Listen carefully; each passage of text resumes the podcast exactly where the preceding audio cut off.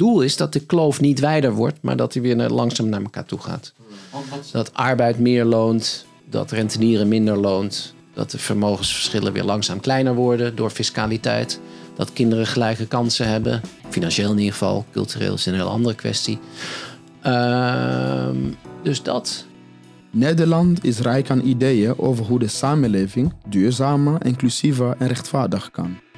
En toch lukt het ons niet altijd om die ideeën aantrekkelijk te maken voor het grootste publiek. Mijn naam is Kiza Magendane. En ik ben Koen Bruning. Dit is De Onderstroom. Een podcast van Progressief Café waarin wij de ideeën uit de progressieve onderstroom naar beleid en praktijk vertalen. Wij praten met denkers, dromers en doeners. Wat is hun progressieve droom voor Nederland? Uh, we hebben Hans de Geus, Koen. Uh, in deze podcast praten we over het technische perspectief van het woonbeleid. Na het gesprek met Matthijs Correvaar. Hans de Geus analyseert de rol van het geld in de woningmarkt en welke keuzes onze beleidsmakers moeten durven maken om de zogenaamde woningcrisis aan te pakken. Nou ja, Hans de Geus is beurscommentator van onder meer RTL Z. Hij is schrijver van het boek Hoe ik toch huisjesmelker werd over woonarmoede en ongelijkheid. En dat boek won de Prinsjesprijs, Prinsjesboekenprijs in 2000. Kijk. Dit jaar, 2001. Dat is de prijs voor het beste politieke boek in het voorgaande parlementaire jaar. Nou, het boek uh, is geroemd omdat, het zowel, omdat je het zowel uh, op een verjaardagsfeestje daarmee indruk kan maken over al die feiten. Maar ook gewoon echt een serieuze analyse over de woningcrisis in ons land. De jury prijst het boek op een heldere en toegankelijke manier hoe uh, de huizenmarkt in elkaar ziet en hoe we in de huidige situatie verzeild zijn geraakt. Uh, Koen, jij keek enorm uit naar dit gesprek met Hans de Geus. Enorm. Ja, ik kijk Hans even aan. Het is een rete goed boek. Uh, waarin hij niet alleen over woonarmoede spreekt. En over vermogensongelijkheid. Wat de effecten van vermogensongelijkheid zijn. Maar ook over uh, andere problemen die natuurlijk in relatie staan tot die wooncrisis. Lagere lonen, een dalende rente. Uh, je ziet hoe monopolies ontstaan. En wat voor effecten dat heeft natuurlijk op hoeveel loon iemand krijgt. En vervolgens ook de mogelijkheden die zij hebben om vervolgens een huis te kunnen kopen, om vervolgens die huur te kunnen betalen. En hij weet die thema's heel mooi bij elkaar te, te krijgen, waardoor het niet alleen een boek is over de wooncrisis, maar eigenlijk over hoe die wooncrisis in relatie staat tot andere problemen die we in de samenleving zien, primair vermogensongelijkheid. En vervolgens ook wel een beetje hoe de fuck gaan we dat oplossen? Dus ik kijk heel erg uit naar het gesprek. En Hans zit hier naast mij. Ja, ik zit te lachen, hij ook een beetje. Maar ja, laten we gewoon beginnen. En uh, voor de luisteraar, jij hebt een boek geschreven over vermogensongelijkheid. Basis, uh, over basisinkomen, samenrijk. Dus dit is een thema dat jou echt, echt aangaat. Om te beginnen, wat is de belangrijkste inzicht of de belangrijkste vraag die je aan Hans wil voorleggen? De belangrijkste vraag die ik wil voorleggen, en ik denk ook voor de luisteraar, de lieve luisteraar heel interessant zal zijn is... Je praat echt aan Rudy en Freddy show, hè? Lieve luisteraar. Ja, denk je? Nee, maar de belangrijkste vraag is... Hoe staat een groeiende vermogensongelijkheid... hoe creëert die een lagere rente? En vervolgens, hoe is die lagere rente een factor... in die stijgende huizenprijzen? En hoe lossen we het op? Ja, Hans. Nou ja, één punt, en dat was eigenlijk pas na het verschijnen van mijn boek, is er uh, onderzoek uh, bekend geworden. En toevallig had Koen Hagens er net over geschreven in de Volkskrant ook. Van drie hoogleraren, onder andere van Chicago, dus dat zijn geen linkse jongens. Uh, Amir Sufi uit mijn hoofd en nog twee mensen. In ieder geval een goed paper. Uh, en die vraag, iedereen vraagt zich natuurlijk al heel lang af: waarom is die rente zo laag? Die is eigenlijk vanaf de jaren 70 gestaag gedaald van uh, in Nederland ook 8, 9 procent voor staatsleningen, hypotheken, misschien wel 13 procent naar nu. Nou, het eerste wat ik in mijn boek doe, ik ben zelf oorspronkelijk obligatiehandelaar, dus ik kan goed rente rekenen. En er zijn heel weinig mensen die beseffen wat een enorme uh, aardverschuiving dat is als die rente zo zakt. Je krijgt een enorme verschuiving van toekomstig vermogen naar huidig vermogen. Nou, dat klinkt een beetje ingewikkeld, maar gevolgen zien we allemaal om ons heen, is dat die huizenprijzen bijvoorbeeld keihard stijgen. Nou kan je denken, eh, uh, die, uh, dat is een, een, gegeven of dat is een natuurverschijnsel, die rente. En daar moeten we binnen de woningmarkt niet op letten. Daar hebben we nou eenmaal mee te dealen.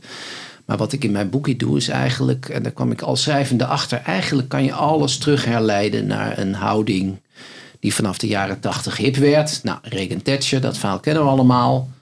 Gefaciliteerd of ideologisch ook onderbouwd door de economische wetenschap. Laten we dat niet vergeten, want die waren ineens heel erg gecharmeerd van rationele denkers en van vrije markten. En als je het over Keynes had, werd je uitgelachen. Uh, en een van die dingen uit de jaren tachtig, nou de belangrijkste dingen zijn natuurlijk hè, deregulering van het bankwezen, waardoor de hypotheken konden ontploffen. Het heeft allemaal met alles te maken. Liberalisering van de, huur, van de huurprijzen, dus die konden ontploffen.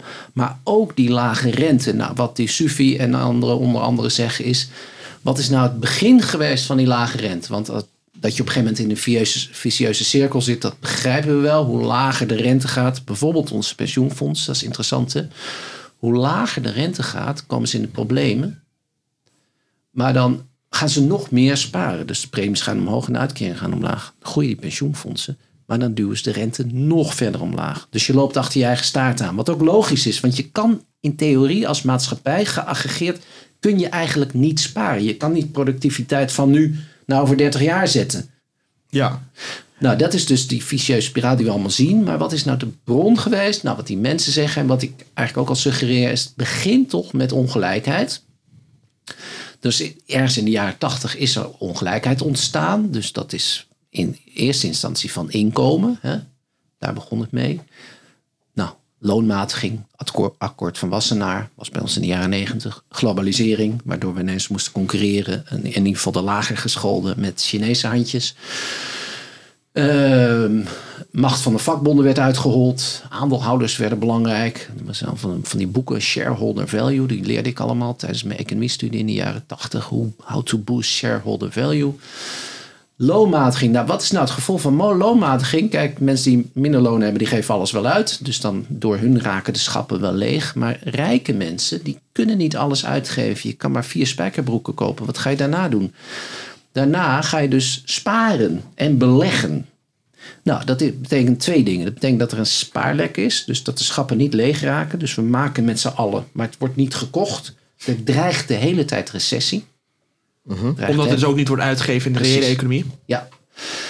De overheid mocht niet meehangen met een tekort. Dat zou een andere bron van uh, ontsparen kunnen zijn. Sterker nog, overheden moesten gaan sparen en de tekorten terugdringen en de schulden terugbrengen. Dus die gingen netto ook sparen.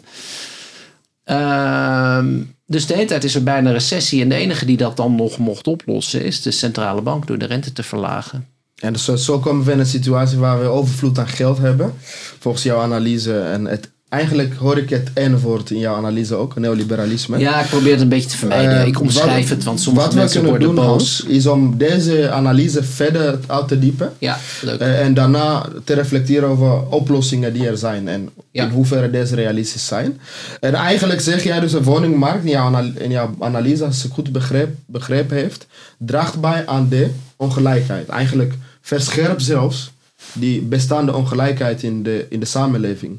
Zou jij dat kunnen uitleggen? Ja, het is eigenlijk een uitingsvorm van die. Dus het wezenlijke waar, uh, fenomeen waar we naar kijken, het, de, het, Platoonse ideaal, zeg maar, het, ding aan zich, is eigenlijk die ongelijkheid. Voortkomend uit die gedachten van de jaren tachtig en een verschijnsel, maar ook een vehikel om het verder te brengen, is de woningmarkt. Dus de wezenlijkheid is die ongelijkheid. Dus vandaar is mijn hoofdstuk 9 is waarom is de rente zo laag? Is mhm. denk ik een beetje lastig, maar wel eigenlijk waar het om gaat. Want nog even terug waar we het net over hadden. Dus waarom daalt dan de rente? Nou, er zijn steeds bijna recessies, dus de centrale bank moet de rente verlagen. Mhm. Maar omdat zo weinig wordt uitgegeven en de loonmatige is er ook steeds bijna deflatie. Dus obligatiebeleggers die wil ook een lagere rente. Is een beetje een discussie altijd wie bepaalt de rente. Is dat de centrale bank of de markt? Maar goed, allebei hebben ze neiging om die rente lager te drukken. En dat was ook de ideologie van Friedman. Van je moet niet te veel geld zijn, want inflatie is heel erg. En uh, dat is natuurlijk helemaal niet erg. Ten eerste een beetje inflatie. Maar het is vooral, en dat is interessant. Hè, voor wie is lage inflatie niet erg? Dat is goed voor mensen die bezit hebben, want dan smelt dat niet weg. Uh en dat is bijvoorbeeld, ik zie hier een boekje liggen van Edin Miyagik. Die is zo'n iemand die aan, op de hand is van de crediteuren. Die vindt het schandalig dat mensen met geld wat moeten inleveren omdat de rente laag is. En, ja, want het boek van Edin, even kort, heet Keerpunt 1971, waarin hij juist bepleit dat die inflatie eh, niet goed is, dat deflatie misschien beter zou zijn. Dat is een heel Ja. ander onderwerp inderdaad. Ja, heel maar wat je Nou, aanraakt... is dus eigenlijk niet zo heel Nee, het, anders. het hangt Dat natuurlijk altijd met elkaar samen. Maar even in de context natuurlijk van, van de podcast... waarin we natuurlijk moeten oppassen... we niet alle kanten op vliegen. Terwijl dat natuurlijk wel mag. Ja. Ja, dat mag natuurlijk. Maar we hebben dus eigenlijk twee punten. We hebben aan de ene kant die vermogensongelijkheid... waarbij je steeds meer geld, als ik het goed begrijp... aan de bovenkant blijft plakken. Hen met vermogen willen dat geld vervolgens... heel simpel gezegd uitlenen. Die rente gaat daardoor oog omlaag... Ja. omdat zij dat kapitaal niet kwijt kunnen. Ja. En vervolgens, zoals Amir Sufi ook onder andere laat zien in het boek House of Debt... waarin zij analyseren hoe economieën reageren op crisis... en dat juist die economieën met meer schulden zwaarder geraakt worden, zoals jij zegt, tijdens crisis. Dus ook fragieler zijn. Omdat de mensen met die schulden vervolgens geen geld meer uitgeven in die reële economie en dat herstel geschaad wordt. Klopt dat Nou ja, dat, dat is ook nog eens. Hè? Dus hoe groter je balansen zijn, hoe meer schulden er zijn en hoe meer bezittingen. Want dat staat altijd tegenover elkaar. Hè? Tegenover elke plus staat een min. Dat zag je in Nederland. Dus wij zijn in die crisis van 2010 extra hard geraakt. En moesten ook, en dat hoort er ook bij. Je banken zijn extreem groot, want daar, staan, daar komt alles samen op de balans. Maar gevolgens ook dat die banken eigenlijk te groot waren voor ons om te, om te redden. Want die bankbalansen zijn drie keer ons BNP. Dus dat is voor Nederland op zich, maar dat is een beetje een ander onderwerp. Maar het punt is dus, die eh, inkomensongelijkheid is begin. Daardoor daalt de rente. Daardoor ontstaat vermogensongelijkheid. Eh, en dan krijg je een vicieuze spiraal waarbij eh, rijke mensen alleen maar rijker worden. En eh, arme mensen verder naar beneden worden getrapt. Ja, en jouw boek heeft natuurlijk veel aandacht gekregen. En Volgens mij komt er een vijfde druk. Ja, Ehm, je wordt op uitgenodigd. Het onderwerp woningcrisis is echt hot. Ehm, maar jij observeert ook dat er een verkeerde analyse wordt gemaakt. Eh, er is een neiging om te stellen dat wij tekort aan woningen hebben. Dat we woningen moeten bouwen. Kan je ons vertellen waarom het verhaal dat je net vertelt onaantrekkelijk is eh, om te vertellen? En waarom wij de nadruk leggen op eh, stenen? Ja, omdat dat intuïtief natuurlijk makkelijker binnenkomt. Van, eh, en het sluit ook aan bij simplistische economische modelletjes van vraag en aanbod. Nou, als de prijzen te hoog zijn, is er te veel vraag en te weinig aanbod. Dus als je bijbouwt, dan lost het probleem zich op. Dat dacht ik ook heel lang, totdat je echt goed gaat kijken. En er is misschien ook een aanbodprobleem. Ik ben helemaal niet tegen bouwen, dat moet ik er altijd bij zeggen. Dus er zijn bepaalde groepen zeker geholpen als er meer gebouwd wordt. Uh, nu bijvoorbeeld uh, seniorenhofjes willen we misschien hebben. Maar ik analyseer, doordat ik het vanuit, meer vanuit de geldkant, het geldspoor volg, is dat het probleem vooral aan de vraagkant zit. Dus er is eigenlijk oneindig veel geld. Je kunt nu zo makkelijk lenen. Nou, dat beschrijf ik ook in het begin. Hè. Ik koop drie beleggingswoningen mm. met bijna geen eigen geld. -hmm. um, en het punt is, nou ja, dat is dan even, even technisch. Er is een tekort. Trouwens, het tekort is gedaald tijdens corona. Intussen stegen de prijzen gewoon door. Zelfs de gemiddelde huurprijs stijgt door. Daar zijn heel veel kanttekeningen bij te maken. Want dat is vooral institutioneel gewoon de jaarlijkse huurverhoging. Maar goed, dat ging gewoon door. Er zijn best waarschijnlijk pockets in Amsterdam waar de huren wat daalden. Waar alle expats toevallig weg zijn gegaan. En dat bewijst natuurlijk dat terwijl dus het tekort afneemt. Dat zou dan zogenaamd de betaalbaarheid moeten verbeteren. Maar dat heeft die betaalbaarheid niet verbeterd.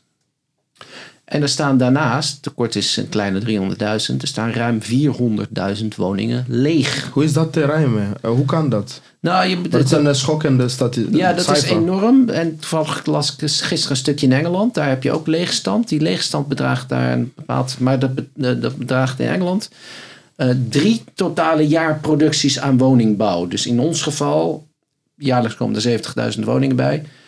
Uh, dus de, de, tweede huisjes alleen al zou dan al iets van 200.000 zijn. En dat klopt ook. Ik zei het gisteren in het café tegen een vriend van mij, het beroemde Café Krom, waar ik gisteren weer was.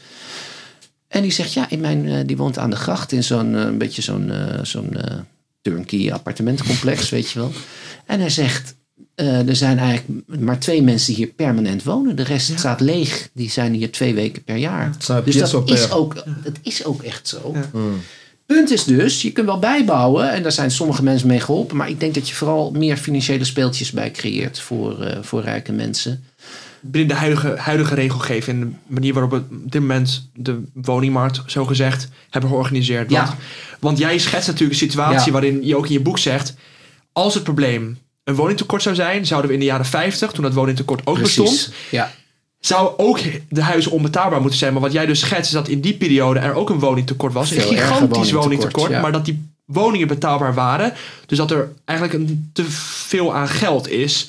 En dat eigenlijk, en dat komt misschien mooi terug op wat jij zegt in je boek. Je hebt het over die houding. Het neoliberalisme. ja, Een houding van onder andere het dereguleren van kapitaalstromen. Het dereguleren van de markt. De markt vrijer maken. precies. Ja. Maar wat jij zegt is, als jij die regelgeving niet meer in de handen van de overheid legt, dan zijn andere mensen degene die de regels gaan stellen. In dit geval private partijen. Bijbouwen is dus misschien niet eens zo'n slecht idee, maar wat jij zegt is, als we bijbouwen, moet dus eigenlijk die regelgeving ook weer vanuit de overheid meer komen, zodat zij meer grip hebben daarop, waardoor die huizen die bijgebouwd worden niet speeltjes worden van rijke mensen. Ja, klopt. Nou ja, kijk, jaren 50 is wel een extreem voorbeeld. Toen waren de lonen gereguleerd, de huren, alles lag helemaal vast. Alles was om na de oorlog de boel weer op poten te krijgen. Overigens bijzonder dat toen een overheid dat vermocht. Ook, als moet je maar eens in, induiken, tientje van Liefdink, hoe dat toen allemaal ging. Eh, maar wat er daarna dus gebeurd is, kijk, eh, de grond is natuurlijk beperkt. Eh, en die, ja, die zou je ook kunnen dereguleren. Je zou kunnen zeggen, nou je mag van nu af aan overal bouwen. Iedereen mag overal zijn eigen snelweg aanleggen. Alle boeren mogen overal volplempen. Dus stel dat je en de woningmarkt zelf, dus de opstallen en de grond zelf ook allemaal zou loslaten. Nou, misschien was het dan goed geweest, maar dat is natuurlijk onzin, want dat willen we niet. Dus we hebben de grond in handen gehouden. Terecht volgens mij, want ik denk dat we met bestemmingsplannen en zo moeten werken. We willen toch zelf bepalen hoe het land eruit ziet. Maar vervolgens, wat daarop gebeurt, op die beperkte ruimte, hebben we vrijgegeven. Eh, met ongebreidelde hypotheekverstrekking, dalende rente en vrije huren. Ja, dat gaat natuurlijk helemaal verkeerd. Ja, precies. En het is aan de luisteraar natuurlijk echt aan te raden om jouw boek te lezen. En omdat deze analyse ook uitgebreid aan bod komt. Ja, en Ja. dat maakt grond zo'n ander product. Wat, wat je zei, hè? ik zei in het begin, het lijkt zo aantrekkelijk, vraag aanbod. Maar dat werkt met grond heel anders. En er zijn wij, maar weinig economen die dat ook begrijpen. En dan komen we misschien zo nog even Ja, op, bij de op wat gekke, Ja, ook, maar ook op wat gekke consequenties, gekke gevolgtrekkingen. Een van de dingen is bijvoorbeeld dat, en nou, een van de ideeën was, als we de huren maar liberaliseren, dan lokt dat vanzelf aanbod uit. En dan komt er weer huizen bij en dan kunnen die huren weer zakken. Nou, ten eerste komt dat aanbod er niet bij omdat wij dat niet zo bestemmen. Dat willen we ook niet. Maar een ander ding is met grond. Kijk, stel, ik ben, een, ik ben namelijk ook een ontwikkelaar. We bouwen, ik heb net mijn aandeel verkocht, maar wij, zeg ik nog even, we hebben van de week de eerste paal geslagen. We bouwen 28 woningen in Amsterdam op de Jan Evenstraat nummer 18. Eh, naast Snackbar Marja en Albert Heijn voor Amsterdammers. Er staat nu een groot gat. Kijk, het punt is, en dan zeggen mensen tegen mij, ehm, dat is wel een aardig voorbeeld, die zegt tegen me, oh ja, maar jij bent een beetje links, dus jij zal wel schappelijke huurprijzen vragen als ontwikkelaar straks. Hè? Het gaat niet gebeuren. Stel dat ik het zou houden en zou gaan verhuren, wat mijn compagnons inderdaad gaan doen. Ja. En dan zeg ik nee. En Maar dat de kan niet. ja. Waarom niet? Want toen wij dat object kochten, wist de verkoper van dat stuk grond, laat het zo even noemen, het was een bioscoop, maar die is te slopen, dat stuk grond, die wist helemaal aan het einde wat wij maximale huur zouden kunnen gaan vragen.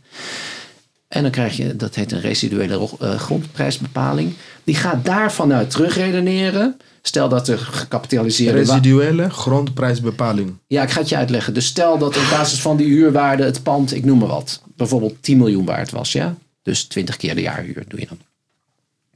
Hij weet, nou oké, uiteindelijk is dat 10 miljoen waard, dat ding. Eh, de bouwkosten zijn, ik noem wat, 6. Inclusief onze marge en de winst en de risico. Dus dan kan ik 4 miljoen voor de grond vragen. Stel nou dat hij wist dat de huren beperkt waren en dat het pand maar 6 miljoen waard was.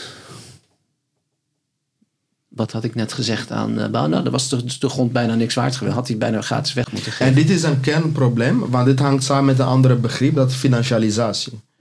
Eh, dat, Nou- dat wij kopen baseren op basis van toekomstige prijzen. Eh, zou jij ons, want en dat heeft Ja, implicaties. dat is die 10 miljoen, maar dat is één ding. Maar het punt wat ik eigenlijk wil maken is dat dus eh, ho- hoge huren geen zin hebben om extra woningbouw uit te lokken. Want de, de ontwikkelaar slash bouwer slash belegger die dat gaat doen, Die, die maakt gewoon zijn marge. Die maakt zijn 3 tot 5 procent rendement. Maar de winst van die hogere huren gaat naar de zittende klasse. Die al grond heeft. Ja. Dus je gaat straks die boeren die misschien een bestemmingswijzig krijgen. Of, en daarom wordt er zo gehamerd op bouwen in de polder. Ontwikkelaars die al posities hebben, die hopen op een bestemmingsomslag. Die ga je rijk maken. Een ander ding wat daarbij komt, als je dat eenmaal beseft, is dan zegt bijvoorbeeld het woonprotest van oh, er moet geld bij, want er moet woningen worden gebouwd. Dat geld hoeft er helemaal niet bij. Dat kan makkelijk uit, want die prijzen zijn zo hoog. Stel dat die 4 miljoen er komt die het woonprotest vraagt, dat weet de verkoper van die grond al. Dus die rekent dat naar zich toe. Dus als je nu als overheid 4 miljoen subsidie gaat geven voor woningbouw, zeker in de polder, dan stroomt het geld weer de verkeerde kant op van de gemeenschap naar de bezittende klasse. Dus dat vergroot de ongelijkheid. Dit zijn dingen, ik zat laatst met een professor in Krom, ook weer, ook weer in Krom. Die, die begreep toen ik het uitlegde, maar zo denken economen Ik niet. wil een stukje lezen dat je voor Vrij Nederland en voor de onderstroom geschreven hebt. En dat Ja. is een citaat. Ja. De boodschap voor de woonprotesters is dat ze niet zozeer moeten aankloppen bij de minister die over wonen gaat. Om te vragen om lagere huren of meer overheidsgeld voor nieuwbouw. Maar dat geld stroomt al rechtstreeks naar de bezittende klasse, dus wat je net zegt. Ja. Daarna zeg je, we moeten bij, we moeten bij de minister zijn van Financiën die het meeste, eh, die het best wat eenvoudige knoppen kan zorgen dat de rivier naar de andere kant op gaat. Juist. Gaan we straks over hebben. Ja. Maar ik ben benieuwd of je dat eh, mechanisme financialisatie nog kan uitleggen. Nou ja, wat is financialisatie? Dat is dat. eh, wat is financialisatie in brede zin? Is nou ja, bijvoorbeeld hele hoge hypotheken voor dezelfde huizen. Financialisatie is in, mijn optiek is dat je, eh, dat je ten opzichte van de inkomens, stel dat ons BNP is eh 100 miljoen. Nou, vroeger waren de bankbalansen dan 50. En nu zijn de bankbalansen ten opzichte van hetzelfde inkomen 300. Dus de bezittingen, de financiële activa zijn toegenomen, maar dus ook de schulden. En je zou het ook kunnen omschrijven als een proces waarin de financiële sector dominanter wordt ten opzichte van die reële economie. En waarbinnen die financiële sector eigenlijk steeds meer geld met geld gaat maken. Ja. Ja. En die stromen eigenlijk steeds naar improductieve zaken gaan. Ja. Wat dan in dit geval stenen zijn. En jij zegt ook in je boek. De vermogensongelijkheid, vastgoed is daar het epicentrum van. Ja, klopt. En dat heeft consequenties dus voor de woonprotesten die dus al die oplossingen... Nu maken we een karikatuur van en ze hebben natuurlijk een brede pakket Ja, aan, nee, aan, eh, klopt. aan op... Maar je zegt...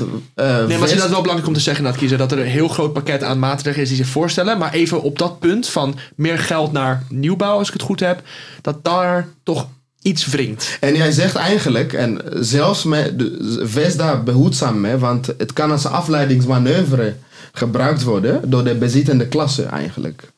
Eh, wat ons dus verder brengt bij eh, oplossingen. En het bewijs daarvan is, kijk, eh, dus het woonprotest is ook erg voor meer woningbouw. Maar ja, de VVD is ook voor meer woningbouw. dus dan moet je toch een beetje achterdochtig worden. En mijn punt is met toch al een netto overschot aan woningen. En het bruto tekort wat er is, is ook erg. Want er moeten mensen geholpen worden, dus er moet zeker gebouwd worden. Maar netto, dus als je optelt, is er een overschot. Ja, als je dan gaat bijbouwen, dan geef je de VVD-beleggers nog meer financiële speeltjes in handen. Laten we het hebben over het menulijstje, want eh, het boek eh, blijft aan te raden natuurlijk. En eh, dat stuk ook voor Vrij Nederland, dat onze luisteraars echt aan te bevelen is. Ehm, eh, wij hebben met Matthijs Korrevaar nagedacht over een menulijstje. Ah, leuk, ja. Jij, hebt ook, eh, en jij hebt ook een lijstje aan knoppen, financiële knoppen, waar we aan kunnen draaien. Want je zegt dus dat, dat wat eenvoudige knoppen kan zorgen dat de rivier de andere kant opstroomt. Dus dat we niet ons ja, verleiden door meer bouwen, maar juist nadenken over het vermogensongelijkheid. En je zegt dat het systeem niet langer een herverdeling is van arm naar rijk en van jong naar oud. Zorg dat het vermogenskloof niet langer verder groeit, doch weer kleiner wordt. Ja, Kan je ons meenemen in, eh, heb je een soort menulijstje eh, v- aan financiële knoppen en wat radicale ideeën eh, die eh, vanaf morgen geïmplementeerd kunnen worden, waardoor dit probleem in beleid en praktijk ehm, aangepakt wordt? Ja, kijk, dus ik zeg eigenlijk, eh, het boek is over woonarmoede en ongelijkheid. Nou, ik zei net al, de, het wezenlijke is de ongelijkheid. De woonarmoede is daar enerzijds materieel bij, maar ook een verschijningsvorm. En woonarmoede zomaar oplossen vind ik best, dat weet ik. We zijn een fuik ingezwommen met financialisering. Terwijl je schulden maakt, voel je heel rijk. Maar terug kan niet meer, want er gaan alle banken failliet. Dus dat staat op de balansen. Dat hebben we in 2012 gezien. Dus zomaar maatregel om de huren te halveren. Dat betekent ook dat de waardes halveren. Dat kan niet. Dat gaan we allemaal kapot. Ik besef trouwens dat het begrip woonarmoede onvoldoende voor de luisteraar hebben uitgelegd. Ja, woonarmoede is het begrip dat je eigenlijk als jongere zonder rijke ouders eh, echt totaal de pineut bent. En dat er een kloof ontstaat tussen dus, eh, die groep en de andere groep. Ja, de hef en de hefsnot. zich, Dus dat woonarmoede is eigenlijk al die ongelijkheid. Maar dat uitzicht erin dat jongeren zonder rijke ouders eh, ongeveer de helft van hun inkomen aan wonen uitgeven. Wat veel te hoog is. Dat moet ongeveer 20% zijn. Ja. Dus die staatjes heb ik al in mijn boekje. En je ziet Ja. dat jongeren zijn eh, die niet kunnen kopen. Nou, die moeten in de vrije sector huren. Waar ze dat soort woonquotes. Dat is de woonquote wat ze daar betalen. Ja, want je ziet ook dat vooral jongeren gemiddeld, jij laat een aantal grafieken in je boek zien, Ja. steeds meer zijn gaan betalen. Woonquote, een woonquote noem je dat aan hun huur. Het moet 25% Maar het kunnen ook zijn. mensen zijn. Ik sprak laatst iemand, wie was dat? eh, nou, tegen de 60, die gescheiden is en geen, eh, geen eigen potje had uit dat huwelijk. Ja, het, het zijn alle starters die dus nu geen stenen hebben, bezitten. Ja, Maar de Eh. situatie waarin je dus nu, zoals de kop van het NRC-artikel wat je had met Rick Rutte, luidde, namelijk een sukkel bent als je niet een huis bezit of koopt. Dat is dus ook de situatie waarin, even terug naar wat jij net zei, een situatie waarin als we die huren halveren, ja, er eigenlijk een soort van, niet visueuze cirkel, maar proces in gang wordt gezet tot aan de mensen die de banken en de, de bezittingen hebben, dat het systeem dan omvalt, als ik het goed heb. Ja, zeker. Dat is het nadeel van financialisatie. Is dat je iets creëert waar je niet meer, eh, niet meer uit terug kunt. Dus die woonarmoede is als je met een smalle bril kijkt of met oogkleppen alleen maar naar die woondingen, dan ga je zeggen, oh, we moeten huren weer reguleren. Nou, moet allemaal misschien ook gebeuren. Maar als je bedenkt dat het een wezenlijk een ongelijkheidsprobleem is, ga daar dan. Dat was dan mijn oplossing. en En, dan zeg ik, nou dus, doe eh, er wat moois op. Als het zo is dat die twee aan elkaar gekoppeld zijn, ga dan aan die ongelijkheid werken. Nou ja, dan heb je het over hogere erfbelasting. Daar begint het menulijstje al. Ja, mag ik? Mag ik losgaan? Ja, ga maar. Ja, graag. Kijk, dan krijg je al dat kinderen van rijke ouders niet zo bevooroordeeld worden. Dus je moet zorgen dat het speelveld veel- veld weer wat platter wordt. Hogere erfbelasting. eh, het huis in box 3. Want als, als je nu een paar ton spaargeld hebt, dan moet je wel een huis kopen. Want die spaargeld betaal je in box 3 belasting over, maar een eigen woning niet. Aha. Dus alles is erop gericht om dat eigen woningbezit te stimuleren. Dus dat moet terug. Een andere hele slimme is, daar kwam ik met Mark-Jan Werner achter, een meelezer. Is de overdrachtsbelasting weer omhoog? Waarom is dat belangrijk? Nou, dat is heel grappig hè. Want eh, als stel ik ga een woning kopen, dan het maximale wat ik kan lenen en bij elkaar kan schrapen is 3 ton. Dus dat is bepaalt de prijs ook. De vraag bepaalt de prijs. Ehm, ga uit van eerst dat die, eh, dat die, vermo- dat die eh, overdrachtsbelasting er wel was. was 6%. Heb je het over 18.000. Dat ging naar de overheid. Dus die teruggebracht, stel hij gaat naar nul even. Die 18.000 stroomt niet meer naar de overheid, maar het stroomt naar de verkoper. Dus dan gaat het weer naar de bezittende klasse toe. Die Dus weer een nieuw huis kan kopen. en die wordt dan rijker van. Dus dan stroomt het geld weer de verkeerde kant op. Je wil dat het teruggaat naar de gemeenschap. Dus hoe hoger de overdrachtsbelasting, ik betaal nog steeds die drie ton voor mijn huis. Want de vraag bepaalt de koopkrachtigheid van de vraag, moet ik zeggen. De vraag is oneindig. Ik wil wel een paar paleisjes. Maar mijn koopkrachtigheid van mijn vraag, die bepaalt de prijs. En als we zeggen overbelasting, nou dan gaat er meer naar de overheid. Nou, die kan dan bijvoorbeeld de corporaties weer helpen. Dus dan stroomt het weer de goede kant op. Ja. Dus dat is nog een belangrijke. Nou, huren reguleren is natuurlijk een, een, een ander ding. eh, maar daar weet Matthijs. eh Particulieren hier, hij eigenlijk- heeft eh, daar mooie dingen over gezegd. Ja, En hoe dacht je van een belasting op grond? nou ja, dat is ideaal. Dat is het meest schone wat er is. Ik vind überhaupt. Daar raak ik licht aan. En toevallig is er later een boek verschenen van. Ik vind het eigenlijk überhaupt een beetje raar dat, dat grond privaat mag zijn. Dat is een filosofische discussie. eh. Ja, heel, ik liep laatst door een. eh, ik verdwaalde. Ik liep door iemand zijn tuin in de buurt van Amerongen. En iemand. U loopt door mijn tuin. en toen dacht ik. Uw tuin staat in mijn land, dacht ik toen.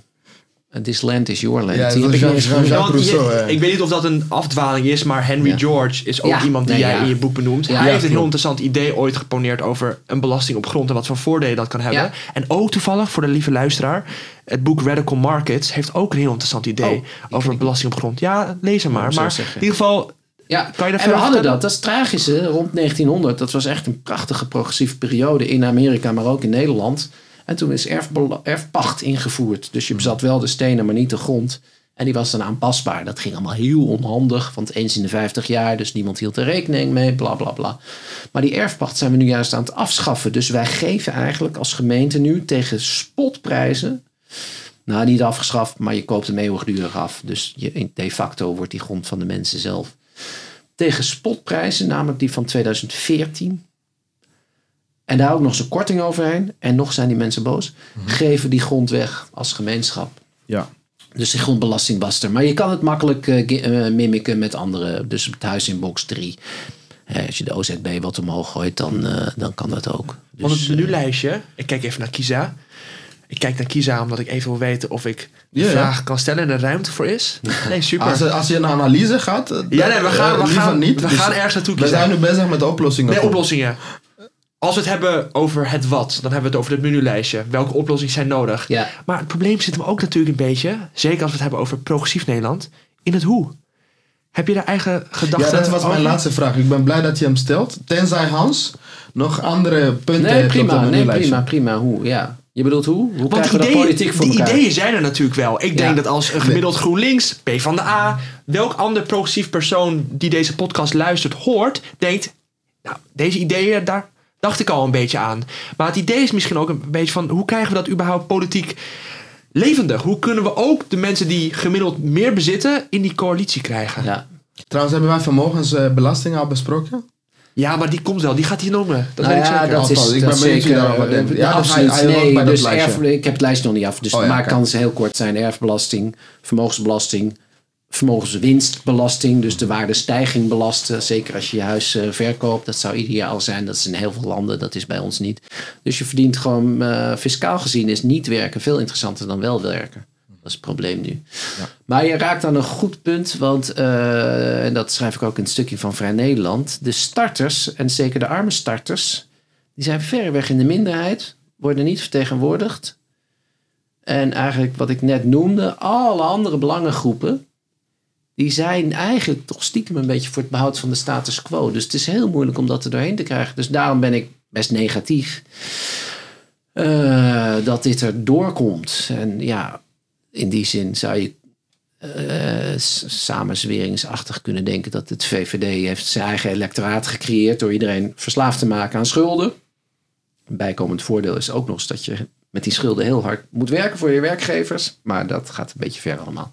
Maar het- hoe het gekomen is, maakt niet uit. Maar het, gevolg, het is nu wel zo dat de meeste mensen schulden hebben en, eh, en belang hebben bij dat die huizenprijzen niet te hard zakken. En dat stuk zeg je eigenlijk ook dat... ehm, In het stuk van Vrij Nederland bedoel ja, ik. van de onderstroom eigenlijk. Ja, Eh, waar- voor de luisteraar eh, is dat de onderstroom is natuurlijk een redactie met jonge, slimme mensen zoals Koen. ja. En wij cureren interessante denkers zoals jij om met ons na te denken over progressieve oplossingen. ja. En wij werken nu samen met Vrij Nederland. Eh, dus in dat stuk zeg je ook eigenlijk dat de ideale situatie is eigenlijk met een schone lei beginnen. ja. Waardoor dus nieuwkomers op de markt ook een kans maken om überhaupt een fatsoenlijke woning te krijgen.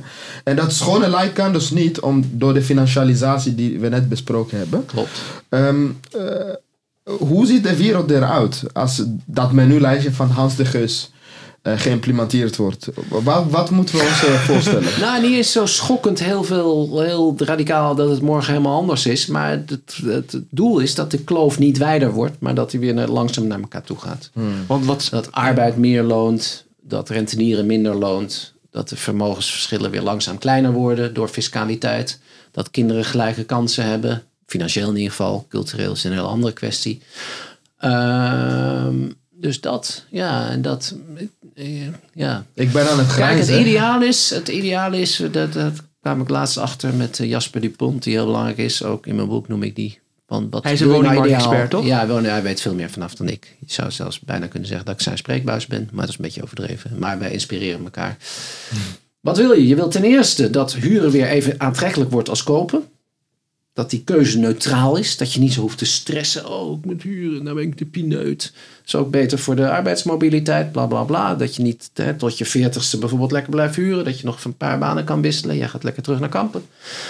Ja, want even voor de luisteraar. Ik had eerder met Hans gesproken. Ik woon in Kampen. Ja. En ik ga waarschijnlijk naar Amsterdam verhuizen voor een korte periode. Ja. Maar ik ga niet kopen, want ik ga waarschijnlijk gewoon terug naar Kampen. En je moet het ook gewoon doen. Je moet je ook niet gek laten maken. Maar het zou fijn zijn als het systeem een beetje zou helpen om die keuze voor jou nog En makkelijker dat te maken. financiële menulijstje kan ons daarin helpen om dit ideaal te bewerkstelligen. Ja, dus de één is eh huur even aantrekkelijk als kopen. En nummer twee is, als je dan toch wil kopen, zorg dat starters weer op een gelijker speelveld staan met doorstromers. Want daar hebben we het nog niet over gehad. Want veel, en dat heb ik pas in de vijfde druk echt goed toegevoegd.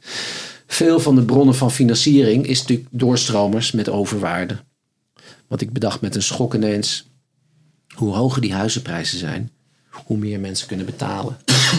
Want ook rond anderhalf miljoen is het nu al dringen en overbieden. En dat is allemaal overwaarde. En die moet je een beetje afromen. En jij hebt het in je boek over. En gebruikt ook het onderzoek van Bas van Bavel. Ja, Hij zegt dat wanneer die vermogensongelijkheid te snel stijgt, dat de samenleving eigenlijk naar de ratsmodee gaat.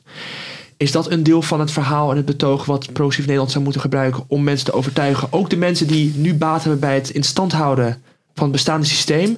Om een politieke coalitie bij elkaar te krijgen die eindelijk eens oplossingen gaat introduceren die dit tegengaan. elk systeem wat liberaal is, gaat in het begin gaat lekker hard groeien. Nederland rond de 12e, 13e eeuw bijvoorbeeld. Dan stijgen de inkomens. Maar op een gegeven moment wordt het een gefinancialiseerd systeem. En eigenlijk toen Nederland een gouden eeuw had, was het al lang op zijn retour. Ja, een paar mensen werden steeds rijker. Maar de inkomens lagen toen al eeuwen stil. En we zijn teruggezakt in de rentenier in de 19e eeuw, wat echt een hele erge periode was. Dus dat zou fantastisch. En hij beschrijft nog een paar landen waar dat gebeurd is. Irak rond 800, geloof ik. Eh, Venetië rond 12e, 13e eeuw. ja, voor Amsterdam. Kijk, ideaal wel, dan zou je dat, maar dat is, dat is te abstract en te lange termijn. En volgens mij schrijft ook, hij ook, ja, mensen hadden toen waarschijnlijk ook niet echt door dat het aan het gebeuren was. Dus dat zijn zulke lange processen.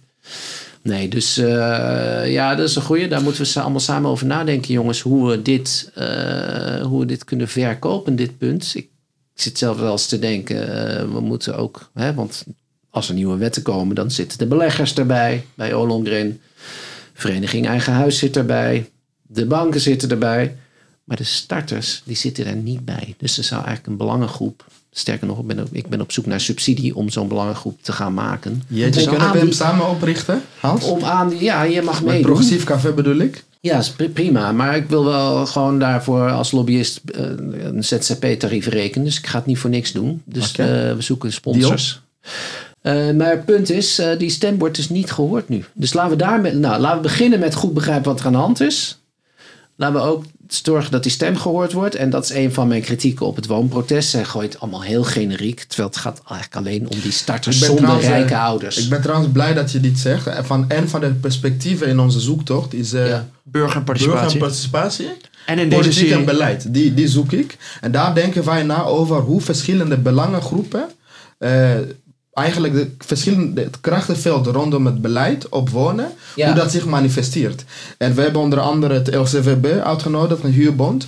En eh, daarom ben ik nu enthousiast. Ik denk, ja, voor ons als eh, denktank, politieke platform, een mooie kans om ook aandacht te besteden aan die ja, en, eh, nood. we hebben natuurlijk de woonbond. Maar die Nee, de Woonbond en de LSVB spreken. Dus LSVB Ja, ja, van de Studentenvakbond en de. Woonbond de Ja. hu- die de huurders Maar de centrale vraag is, hoe wordt het beleid beïnvloed? Wie zit me aan tafel? Dus daarom ben ik blij dat En je een die punt... grappig klein voorbeeld is, aanhaalt. was, kan ik dan weer woest om worden, is dat nou, hè, de formatietijdperk is natuurlijk nu, dus iedereen pusht nu zijn boodschap. Vereniging Eigen Huis komt met een bericht dat de hypotheekrenteaftrek toch langzamerhand al verdwijnt. Nou, dat wordt dan eh, een rapport door, eh, nou ik zal geen namen noemen, maar een onderzoekbureau die, die rapporteert dat. Dat is een klein stukje van de waarheid. FD schrijft dat op. En dan vind ik dat je als onderzoeksbureau, terwijl de, de hele waarheid is veel meer omvattend natuurlijk, gaat ook over waardestijging die onbelast is. Over alle andere, maar dan veel, filteren ze dat uit, schrijven ze dat op. En ze weten donders goed dat dit politiek gaat worden ingezet, dat, dat onderzoeksbureau. Ja, dan laat je echt voor een karretje spannen. En dat is hoe het krachtenveld van de zittende klasse is. Die kan dat soort onderzoeken betalen. Daar gaat iedereen naar luisteren. Het FD schrijft het op. Maar de starter, die, die hoor je niet. ja, En vooral de startende koper, want de huurders hebben dan nog de huurdersbond. Maar de startende kopers, en dit is een idee van Jasper Dupont overigens. Maar die hoor je eigenlijk niet. Dat is erg interessant. Oh ja, misschien zouden we Jasper moeten vragen om een stukje hierover te schrijven. Ja, Oh, maar ik ben aan het grijnzen, Hans, omdat, ik, eh, omdat je echt een paar hele nuttige dingen hebt, eh, met ons hebt gedeeld, die ons weer verder helpen in de verkenning. Want wij denken over mensbeeld. Dat- natuurlijk het idee dat je een woning moet kopen en dat financialisering is het, eh, eh, eigenlijk het N-woord neoliberalisme is eigenlijk een centrale mensbeeld dat het beleid nu beïnvloedt. ja. En ik vind dat in het lijstje, het menulijst, dat je een paar dingen benoemt. Maar ook concrete principes, dat huren ook weer aantrekkelijker wordt.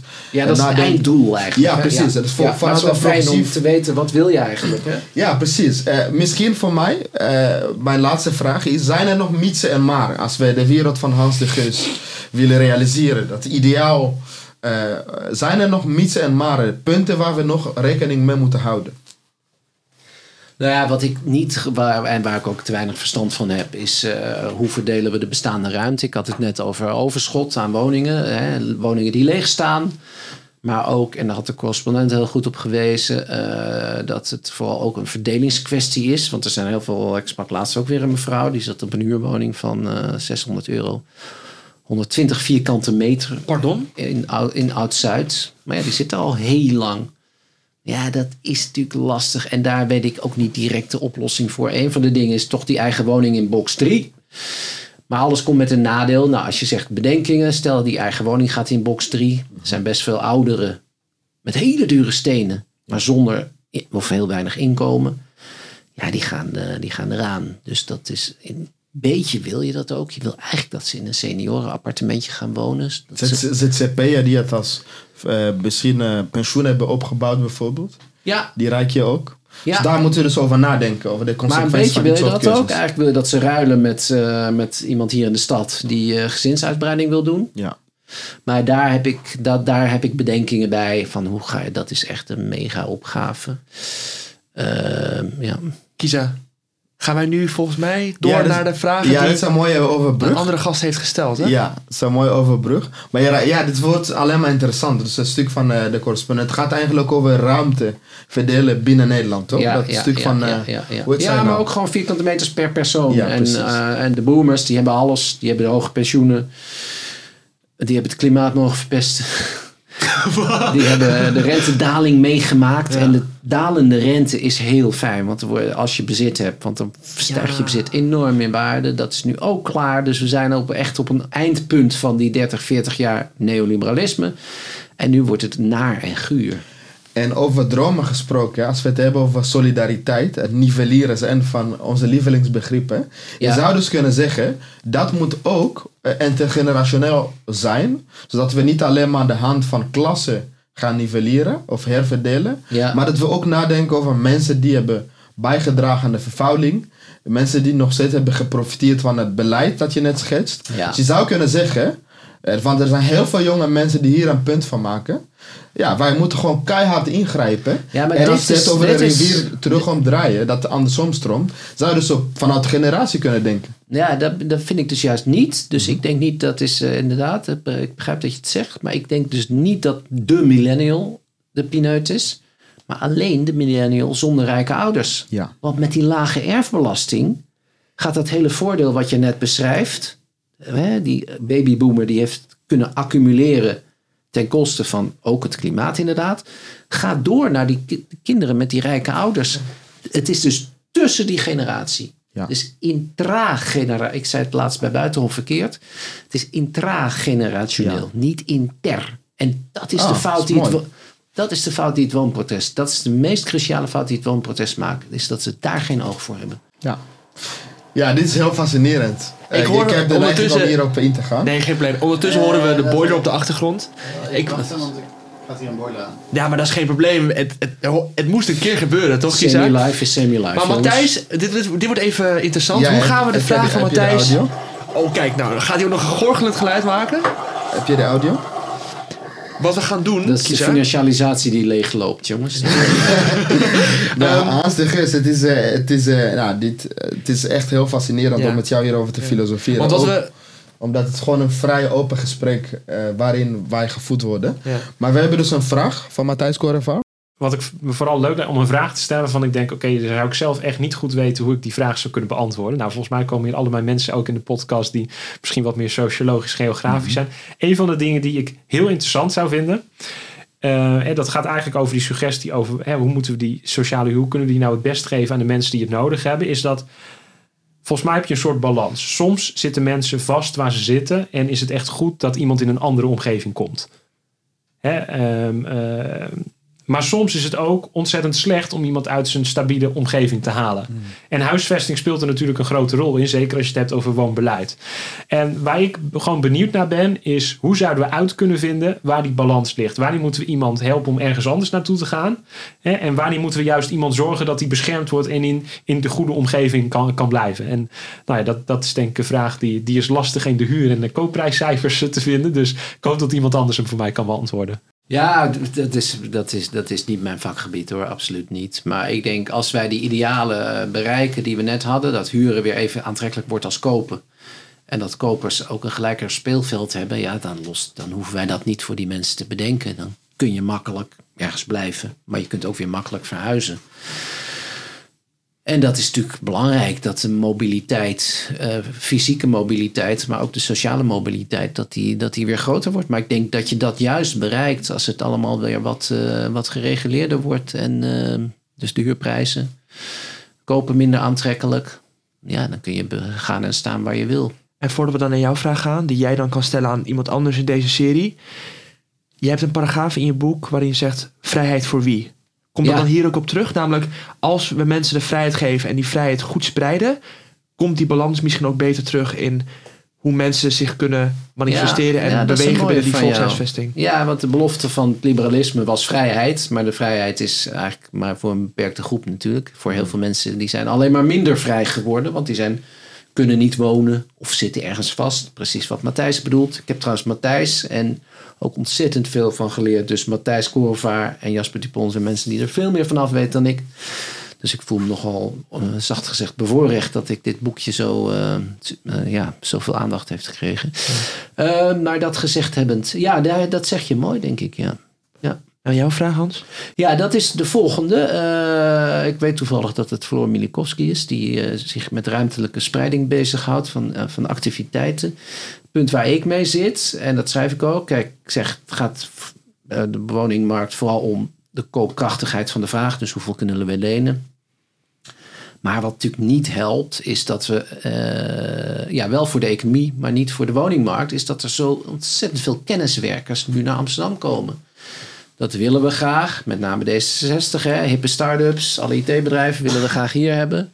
Maakt de stad rijker. Ik vind het zelf ook leuk, diversiteit, ik hou ervan.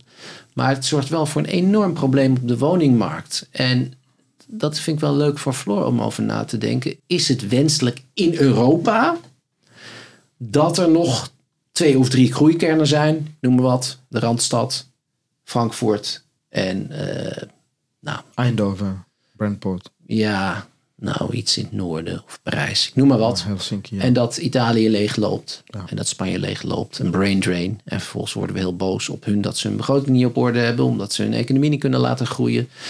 Dus ik denk dat ik haar antwoord wel weet. Maar ehm, ja, ik zou daar. Dus haar analyse, eh, misschien kan dat haar volgende boek worden. eh, uitbreiden over Europa. Van hoe zorg je voor verdeling. En ik weet het, veel mensen bij elkaar is goed voor de groei. Eh, kenniswerkers bij elkaar is goed voor de groei. In de cijfers dan, want het creëert natuurlijk tegelijkertijd, gepaard met stijgende huisprijzen, misschien ook segregatie die sociaal Nee, gezien... dat zeker. Dus Ja. dat is het nadeel. En ik ben ook niet, eh, daarom ben ik ook, zie ik ook de goede kanten van gentrificatie. is weer een ander thema. Maar dat heeft hier wel mee te maken. Ja. Ik ben niet alleen maar tegen, ik hoef niet terug naar de jaren 50. Ik vind Amsterdam echt erop vooruit gegaan. Maar hoe doe je dat in Europees perspectief? En eh, dat is misschien leuker voor haar. Dus voor de luisteraar, je hebt zojuist een vraag aan Floor Milikowski gevraagd, die onder andere het boek Een klein land met verre uithoeken heeft geschreven over regionale ongelijkheid in Nederland. Wij gaan haar onder andere spreken over haar boek Wij zijn de stad. Maar een interessante vraag en we gaan die aan haar stellen. En ik ben ook heel benieuwd wat ze gaat zeggen. Zoals jij ook eh, ja, glimlachend eh, waarschijnlijk ook benieuwd bent naar eh, haar antwoord. Dus ja, ik kan eigenlijk niet heel veel meer zeggen. Dat, heel erg bedankt voor de hele leuke podcast, Hans. Ja, ik ben En, benieuwd Hans, wat is jouw antwoord op de vraag? Dus jij bent aan het puzzelen. Ja, dit zijn. Dit, kijk, ik, ik, nogmaals, ik kijk puur vanuit de financiële markten eigenlijk naar de woningmarkt. Ja, dit zijn eh, eh, politieke vragen. Dat weet ik ook niet. Ik denk dat het eh, een keer op, op moet houden met die interne migratie binnen de eurozone. Die brain drain uit Italië naar ons. Maar waar weet ik niet. Dus als we nadenken over gentrificatie, moeten we ook vanuit het Europese perspectief. Ja, of er moet een, Nadenken. een herverdeling de andere kant weer opkomen. Dan Ja. moeten we dus ook geld eh, permanent Italië opsturen, omdat zij daar armer zijn. Doe jij nu de tweede poging tot de afsluiting? Ik ben eh, de hoofdpresentator. dus, eh, dus dat doe ik sowieso. Ja. Nee, eh, nee, ja, wat Koen eh, net zei. eh, heel leerzaam. Ik denk voor onze luisteraar helemaal. Eh, het waren veel complexe ja, financiële begrippen die eh, kwamen. Eh, natuurlijk eh, staat de link in de show notes. Stuk in Vrij Nederland. En eh, ja, eh, ik denk dat we jou nog even voorbij zullen komen in de komende tijd. En wie weet gaan wij samen belangenbehartiging van de status, althans de arme status. Dankjewel Hans de Gis. Eh, Bedankt voor de uitnodiging. Superleuk, ja. jongens. Hele fijne dag. Dit is De Onderstroom, een podcast van Progressief Café waarin wij de ideeën uit de progressieve onderstroom naar beleid en praktijk vertalen. De podcast is mede mogelijk gemaakt door Pakhuis de Zwijger, Henk en Dan Hazelager hebben de techniek gedaan. Abonneer je op onze kanaal voor meer verdiepende gesprekken over de aanpak van de woningcrisis. Mail je ook voor het evenement op 6 december in Pakhuis de Zwijger waar wij samen met andere denkers, dromers en doeners een menukaart zullen samenstellen voor een progressief antwoord op de woningcrisis. Voor meer informatie zie progressiefcafé.nl en volg ons via Twitter en Instagram at Progressief Café. Welkom bij de progressieve familie.